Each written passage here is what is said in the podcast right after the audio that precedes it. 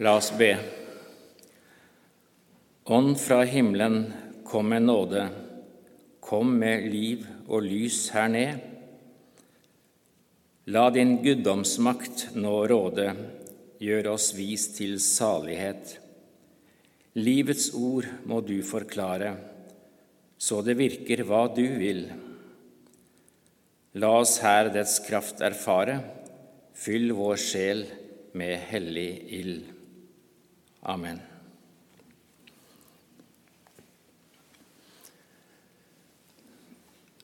Det er mange ting jeg ikke forstår. Noen litt større ting og noen litt mindre ting. Av de mindre tingene er hvordan de som har satt opp prekentekstene for søndagen, kan ha funnet på at dagens prekentekst skal begynne i Markus evangeliets første kapittel, vers 3 midt i et sitat. Det går jo ikke an, for å si det rett ut. Teksten må jo leses i den sammenheng det står i, og sammenhengen begynner selvsagt da allerede i vers 1. Så preketeksten er fra evangeliet til Markus, kapittel 1, vers 1-11, og lyder slik. Her begynner evangeliet om Jesus Kristus, Guds sønn hos profeten Jesaja står det skrevet:" Se, jeg sender min budbærer foran deg, han skal rydde veien for deg. En røst roper i ødemarken, rydd Herrens vei, gjør hans stier rette. Slik sto døperen Johannes fram i ødemarken og forkynte en omvendelsesdåp som ga tilgivelse for syndene. Fra hele Judea og Jerusalem dro alle ut til ham.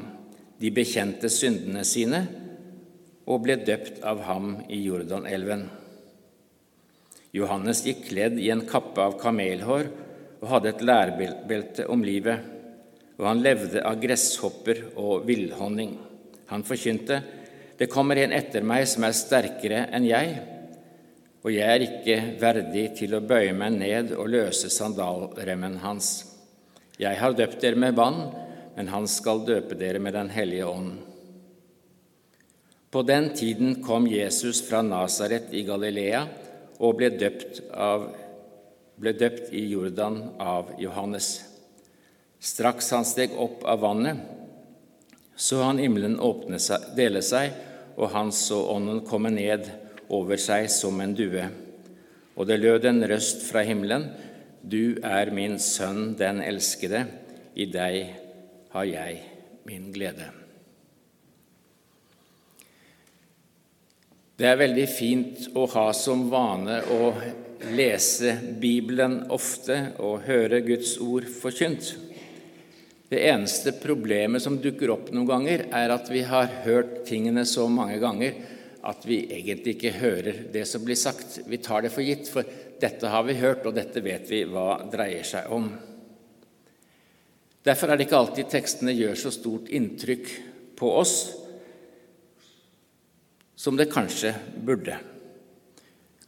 Hvis vi tenker oss tilbake til de som hørte dette og leste det for første gang, så tror jeg nok at noen som levde i middelhavsområdet på begynnelsen av vår tidsregning, de må ha nok reagert litt mer enn det vi gjør. La oss tenke oss tilbake i tid til en gang på slutten av 60-tallet etter Jesu fødsel. På den tiden var det slik at fortellingene om Jesus og hans forkynnelse det var blitt overlevert muntlig fra generasjon til generasjon. Men på 60-tallet en gang så begynner altså noen å skrive dette ned, lage en skriftlig fremstilling av Jesu liv og gjerning og hans forkynnelse. Vi vet ikke hvem som skrev dette først. Det er nemlig slik at de evangeliene vi har i vår bibel, de har ikke noen, noen eh, forfatterangivelse. Det er satt på en overskrift, men den har kommet seinere. Det skiller seg jo da fra Paulusbrevene, f.eks., som jo alltid begynner med at avsenderen presenterer seg. Paulus skriver til menigheten sånn og sånn. Men altså etter noen tiår så fikk allikevel disse tekstene en overskrift, og det, være, det heter da 'Evangeliet etter Markus', for å skille det fra de andre fremstillingene av Jesu liv som da forelå, nemlig det etter Johannes, eller hvis vi begynner foran, det etter Matteus, det etter Lukas og det etter Johannes. Og alt tyder på at det var Markus som var den første som skrev denne fremstillingen. Og hvordan begynner han? Jo, vi har hørt det. Her begynner evangeliet om Jesus Kristus, Guds sønn. Ingen av oss reagerer, tror jeg, når man hører ordet evangelium, for det kjenner vi jo så veldig, veldig godt. Men hvis vi går tilbake altså, til 60-tallet etter Kristus, så ville dette nok vakt litt oppmerksomhet fordi man kjente ordet, men i en helt annen sammenheng. Ordet evangelium var noe man forbandt med den romerske øvrighet. Eh, når det ble kunngjort et evangelium, ja, da var det et godt budskap om en keisers fødsel, eller at han hadde vunnet et stort slag. Det var altså noe som ble proklamert ut for folket. Nå er det født en keiser, en sønn av en keiser. Nå har keiseren vunnet et stort slag. Han har tatt et avgjørende seier over sine fiender. Det kunne f.eks. gjelde Augustus, som vi kjenner fra juleevangeliet. Denne Augustus er for øvrig omtalt i en inskripsjon i tiden like før Jesu fødsel, som ble funnet i Lilleasia for noen år siden. Eller vel 100 år siden, er det vel. Og I den inskripsjonen står det følgende, nemlig at forsynet har sendt Augustus som en frelser for menneskeheten, for at han skulle gjøre slutt på krig og ordne alle ting. Og teksten omtaler han som en gud og det heter at fødselsdagen hans var begynnelsen på de gode nyhetene for verden. De gode nyhetene, evangeliet for verden, det var Augustus' fødsel. Det var det man forbandt med ordet evangelium. Og så, et par generasjoner senere, etter at denne inskripsjonen hugget i stein, da kommer altså Markus og skriver på en, et helt annet materiale, på en papyrusrull. Samme materiale som denne lille båten til Moses var laget av. Han skriver på denne papyrusrullen, begynner slik Her begynner evangeliet om Jesus Kristus, Guds sønn. Han bruker altså de samme ordene som brukes når man skal proklamere de aller viktigste begivenheter. Og det han faktisk proklamerer, er jo en svært betydningsfull begivenhet om en som virkelig var frelser for menneskene, i motsetning til Augustus. En som hadde ja, Iallfall en som skulle seire over synd og død og alle onde makter. Det var det han skulle fortelle om i dette, denne boken sin. Alt dette får vi ikke vite. Altså Nå tenker vi også vi er, vi er på, i år på 60-tallet, så vi har ikke lest boken, men vi har lest overskriften, og vi er da spent hva i all verden er dette for et godt budskap? Det hadde vi altså fått vite hvis vi hadde lest hele Markusevangeliet, men det skal jeg ikke gjøre. Jeg skal konsentrere meg om starten her. Boken dreier seg om de gode nyhetene om Jesus Kristus. Igjen hører vi et, to ord som vi kjenner så vel, og som vi ikke tenker noe særlig over. Men på julaften for noen eh, uker tilbake så satt jeg ved siden av min sønnesønn på tolv år i kirken, og da spurte han Messias, er det etternavnet til Jesus? Ja, det var kanskje ikke så dumt tenkt. Og mange av oss forstår jo dette slik at Jesus Kristus det er et dobbelt navn. Men det er noe mer å si om det. Selve ordet, eller navnet Jesus, det er et vanlig personnavn i jødisk sammenheng. Det svarer til Josva i Det gamle testamentet. Men Messias, det er ikke et navn. Det er strengt tatt en tittel som betyr den salvede. Og Hvis vi leser et annet evangelium helt fra starten av, nemlig Johannes-evangeliet, så vil vi der møte eh, en beretning som forklarer dette. Der fortelles det jo at døperen Johannes hadde et par disipler som eh, møter Jesus.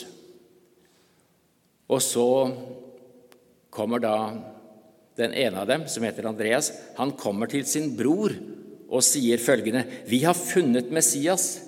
Messias betyr den salvede. Det er slik det står i vår bibelutgave.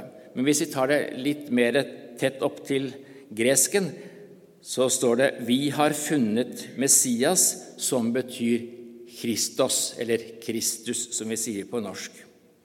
Kristus er altså et gresk ord som betyr salvet. Jesus, Messias, det betyr Jesus den salvede.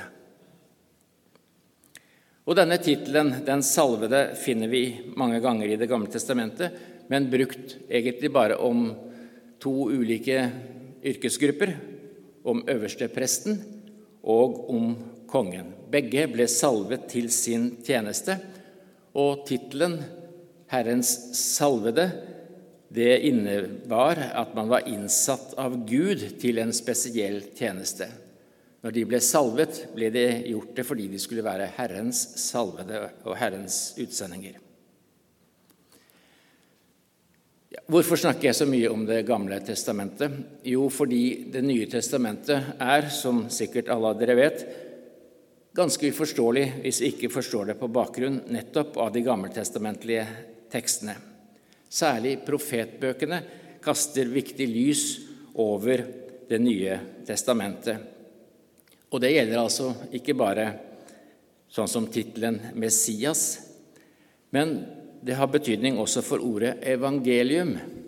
Nå har jeg gitt noen ord om hvordan det fungerte i romersk sammenheng, men vi må også tenke at det har en sammenheng med det som skrives i Det gamle testamentet. Særlig er det noen tekster hos profeten Jesaja som er viktige. Der finner vi riktignok ikke substantivet evangelium, men vi finner et verb som betyr å forkynne et godt budskap. La oss se på den kjente teksten fra Jesaja 61.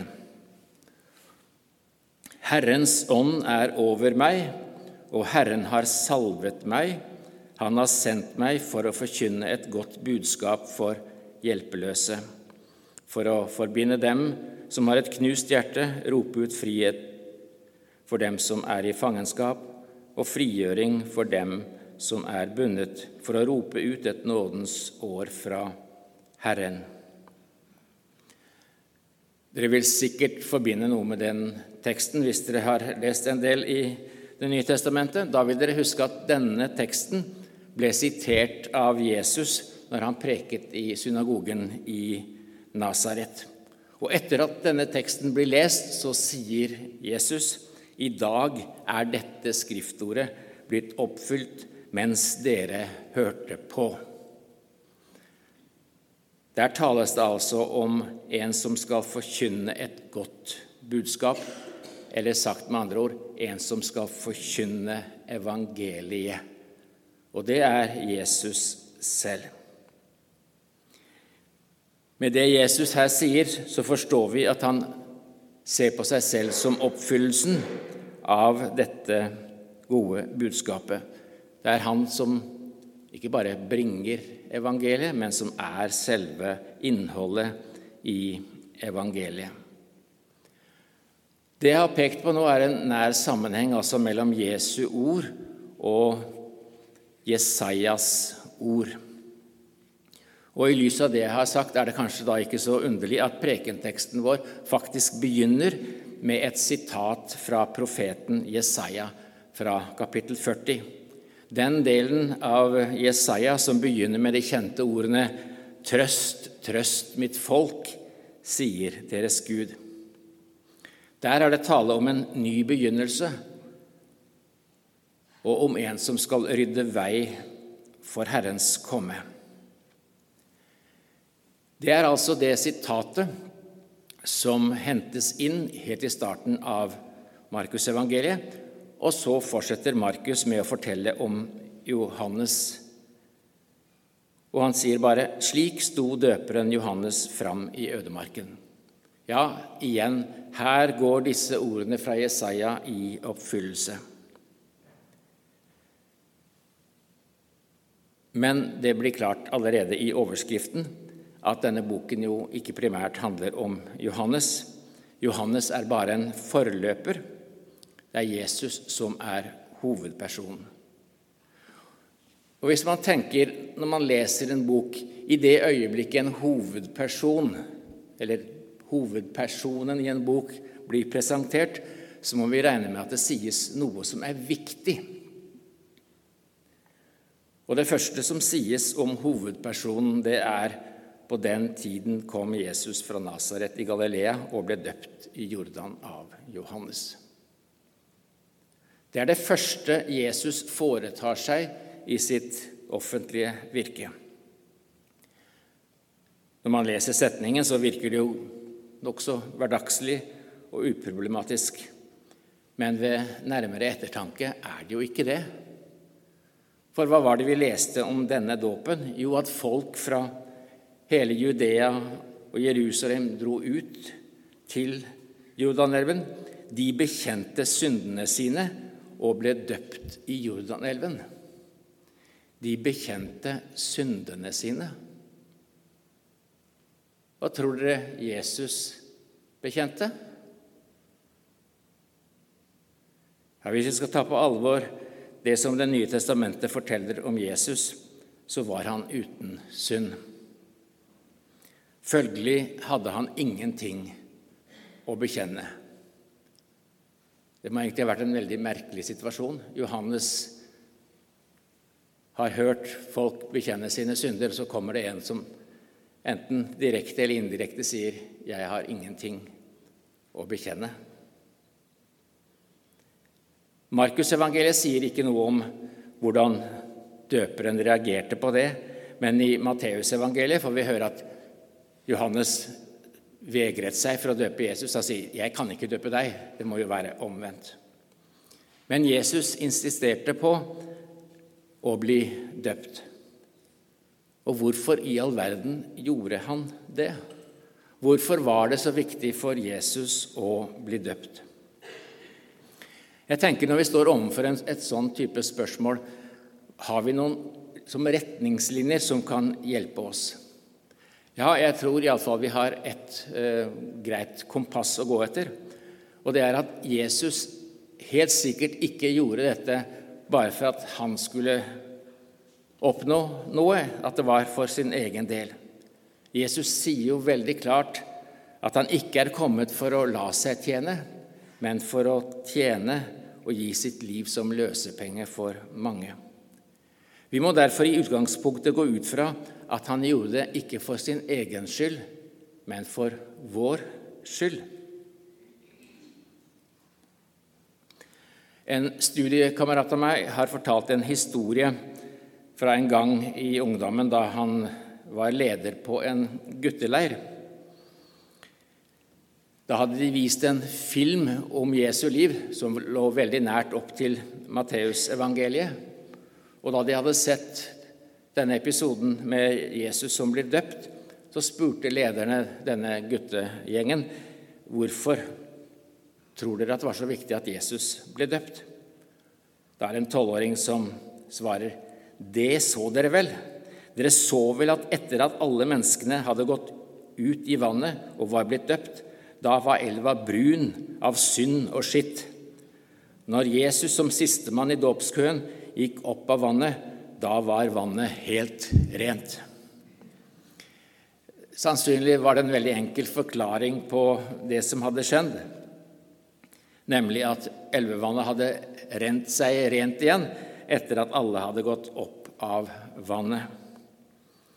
Men tolvåringens forklaring er egentlig ganske god. Og den er faktisk helt i tråd med det som de tidligste kirkefedre sa om Jesu dåp, nemlig at Jesus ble døpt for å rense dåpsvannet. For at dåpsvannet skulle ha denne rensende effekt som det har ifølge vår tro. Når man blir døpt etter Jesu ord og befaling, så blir man jo renset fra sin synd. For over 50 år siden så skrev Vidar Christensen en kort salme om dette. Den har kanskje noen språklige svakheter og er altså ikke publisert i noen salmebok, så langt jeg vet. Men teologisk sett er den treffende. Jeg skal sitere det første av de to versene. Det lyder slik.: Du som lot deg døpe med en synders dåp. Du tok på deg mine synder. Jeg har livets håp. Frelsen har du gitt meg på synlig vis. Dåpens vann og ord er blitt vei til paradis. Det treffer veldig godt det som vi nettopp snakket om. Nå har vi lest altså en tekst om Jesu dåp. Og Hvis noen spør deg hvor får vi høre om Jesu dåp i Det nye testamentet, så ville vel så godt som alle bare vise nettopp til den teksten som vi har lest, og parallelltekstene i de andre evangeliene. Men det er faktisk en helt annen tekst hvor Jesus taler om dåp. Det er en tekst som vi bl.a. finner i Lukasevangeliet, i slutten av kapittel 12, hvor Jesus sier disse få ordene En dåp må jeg døpes med hvor nedtynget er jeg til den er fullført? En dåp må jeg døpes med. Vi skjønner at Jesus her taler om dåp i overført betydning. Det han sikter til, er sin død. Og dette at han er nedtynget, ja, det svarer jo til det vi leser i tekstene om Jesus i Getsemane, hvor det står at Jesus gruet med tanke på den død som ventet ham. Han visste han måtte dø, men han visste også at han ikke døde fordi han hadde gjort noe som fortjente dødsstraff, men han led for andres synder. Han døde i stedet for syndere. Og det er nok også derfor han lot seg døpe med synderes død, med synderes dåp, for at han senere skulle lide synderes død. Det er et uttrykk for at han solidariserte seg med syndere. Ja, mer enn det, han gikk inn i synderes sted. Han ble ett med dem, noe som nettopp ble tydeliggjort når han lot seg døpe ved Jordanelven sammen med mange syndere. Derfor skal også vi bli ett med ham, og det skjer nettopp i dåpen. Hør hva Paulus sier i Romerbrevet, kapittel 6. Eller vet dere ikke at alle vi som er døpt til Kristus Jesus, ble døpt til hans død. Vi ble begravet med ham da vi ble døpt med denne dåpen til døden. I dåpen blir vi altså delaktige i Jesu død, som er en død for oss. Det betyr at vi får del i det frelsesverket som Jesus tilveiebrakte ved sin død og oppstandelse. Og det kommer fint fram i det andre verset i Vidar Christensens korte salme. Jeg er døpt til døden, som du led for meg.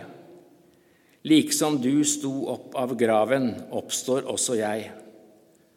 Sønn og ånd og far, takk for frelsens ord, om at jeg i dåpen har evighet på jord. Poenget i dette verset er at liksom Jesus overvant døden og sto opp av graven, så skal alle de som er døpt og tror på ham, en dag stå opp til evig liv. Det er selve kjernen i det kristne håpet. Hvis vi vender tilbake til Paulus' utsagn i Romerne 6, så ser vi at det samme sies, som jeg nå sa, i vers 5. Har vi vokst sammen med Kristus i en død som er lik hans, skal vi være ett med ham i en oppstandelse som er lik hans. Altså, han sto opp, vi skal stå opp. Men nå har jeg hoppet over en del av vers 4. La oss lese hele vers 4. Vi ble begravet med ham da vi ble døpt med denne dåpen til døden, og som Kristus ble reist opp fra de døde ved sin fars herlighet, skal også vi vandre i et nytt liv. Skal også vi vandre i et nytt liv. Her taler ikke Paulus om den fremtidige oppstandelse fra de døde, men om at dåpen markerer overgangen fra et liv til et annet til en ny måte å leve på. De fleste av oss er vel døpt som barn og har ikke hatt noen erfaring med denne overgangen og omveltningen av livet som dåpen innebar i den første tid. På Paulus' tid var det jo slik at de aller fleste som ble døpt, ble døpt som voksne. Og da begynte et nytt liv etter dåpen. Da var dåpen en markering av at man ville være Jesu etterfølger, og man ble kalt til et nytt liv. Vi skulle vandre i et nytt liv. Nå er det imidlertid ikke slik at dette nye livet kommer automatisk og plutselig. Hvis det hadde vært tilfellet, så kunne Paulus ha korta ned veldig mye på brevene sine. For Hvis man leser Paulus sine brev, så vil man se at store deler av brevene er formaninger til de unge, metene, unge menighetene om å leve på en ny måte og ha en annerledes livsførsel. Av mange sitater så kunne vi bare ta og lese noen ord fra Efeserbrevet. Lev da ikke som før, men legg det gamle mennesket som blir ødelagt av de forførende lystne. Bli nye i sjel og sinn, kle dere i det nye mennesket som er skapt i Guds bilde, til et liv i sann rettferd og hellighet. Legg merke til ordbruken 'legg av det gamle mennesket, kle dere i det nye'. Det er en billedbruk som, som man også i Oldkirken faktisk synliggjorde når man forrettet dåp. Da var det slik at dåpskandidatene de la av seg sine klær før de steg ned i vannet. Så steg de opp igjen og ble ikledd hvite, rene klær for å markere at dette var et annet liv. I vår tradisjon har vi bevart bitte lite grann av dette i barnas hvite dåpskjoler. Men hvis vi skulle holdt oss til symbolikken, så burde denne disse hvite dåpskjolene først ikles når man har vært gjennom dåpens bad. En annen synliggjøring av dåpens innhold finner vi oss i, i dåpsbasseng fra kirkens første århundrer. Det er gjort arkeologiske utgravinger bl.a. i Tunisia, og der har man avdekket dåpsbasseng som trolig stammer fra 400-tallet. Et av dem ser slik ut som dere nå ser der. Det er utformet slik at man stiger ned i dåpsvannet fra den ene siden, og så stiger man opp på den andre. Man blir altså, symbolsk iallfall, gravlagt med Kristus og stiger opp igjen til et nytt liv. Det er en veldig flott uh, illustrasjon på hva som skjer i dåpen. Man stiger ned i vannet som en synder, og man stiger opp som renset og rettferdiggjort. Andre dåpsbasseng har form som et kors, slik som det der. Da har man altså nettopp hatt korsformen for å markere at man blir døpt til den korsfestede Kristus. Og korssymbolet skal alltid stå der for å minne oss om at vi er døpt til døden. Vi er døpt til Jesu død for å få del i hans frelsesverk.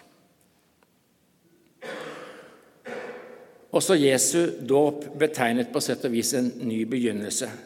Det var iallfall starten på hans offentlige virke. Det var ikke slik at dåpen markerte en endring i hvem Jesus var. Det er noen som har ment at det var først da Jesus ble Guds sønn, eller noe slikt, men det er det ikke noe grunnlag for i tekstene. Men dåpen tydeliggjorde hvem han var. Ikke sant? Det skjedde noe spesielt. Straks Jesus steg opp av vannet, så åpnet himmelen seg over ham. Ånden kom ned over ham i skikkelse av en due, og så lyder røsten fra himmelen, Du er min sønn, den elskede, i deg har jeg min glede. Dette er et viktig øyeblikk som vi ble minnet om. Vi er i åpenbaringstiden, hvor vi skal få se mer av hvem Jesus er. Men i denne teksten åpenbares egentlig ikke bare Jesus, men hele den treenige Gud. Ved Jordans bredd står Sønnen. Over ham kommer Den hellige ånd til syne i skikkelse av en due og fra himmelen lyder Faderens røst. Faderen er ikke synlig, for det er Sønnen som har vist oss hvem han er. Men både Faderens røst og Åndens nærvær tydeliggjør hvem Sønnen er. Som vi har sett, så startet altså prekenteksten vår med et sitat fra Jesaja kapittel 40. Og det som skjer i forbindelse med Jesu dåp, har også en veldig klar forbindelseslinje til Jesaja, til disse tekstene om Herrens tjener. Og i Jesaja 42 leser vi Se min tjener som jeg støtter, min utvalgte, i ham har jeg min glede. Jeg har lagt min ånd på ham, han skal føre retten ut til folkeslagene. Dette ordet fra Jesaja 42 det får altså sin oppfyllelse i Jesu dåp. Og så er det viktig å huske at denne Herrens tjener, som er omtalt i Jesaja 42, hans rolle utbroderes atskillig mer i Jesaja 52 og 53. Og jeg skal ta med en tekst her til slutt. Vi leser fra Jesaja 52 og 53. Sannelig, våre sykdommer tok han, våre smerter bar han. Vi tenkte, han er rammet, slått av Gud og plaget. Men han ble såret for våre lovbrudd, knust for våre synder. Straffen lå på ham, vi fikk fred. Ved hans sår ble vi helbredet. Min rettferdige tjener, skal gjøre de mange rettferdige. Han har båret deres skyld. Han tok på seg de manges synd og ble rammet i stedet for lovbrytere. Det er altså denne tjeneren vi møter i dagens tekst. Ånden kom over ham, Faderens røst lød fra himmelen, 'Dette er min sønn, den elskede, i deg har jeg min glede'. Dette hadde profeten forutsagt. Og Det er det jeg gjerne vil at vi skal ha med oss fra dagens prekentekst. Jesu dåp forteller om denne tjeneren. Han som tok på seg våre synder, og som ble rammet i stedet for oss. Han sto altså fram og blir døpt med synderes dåp for å understreke at han kom til denne verden nettopp for slike som deg og meg. For vi er alle i den kategorien. Og det er dette som er kjernen i det gode budskapet, kjernen i evangeliet. Ære være Faderen og Sønnen og Ånden, som var og er og blir en sann Gud, fra evighet til evighet. Amen.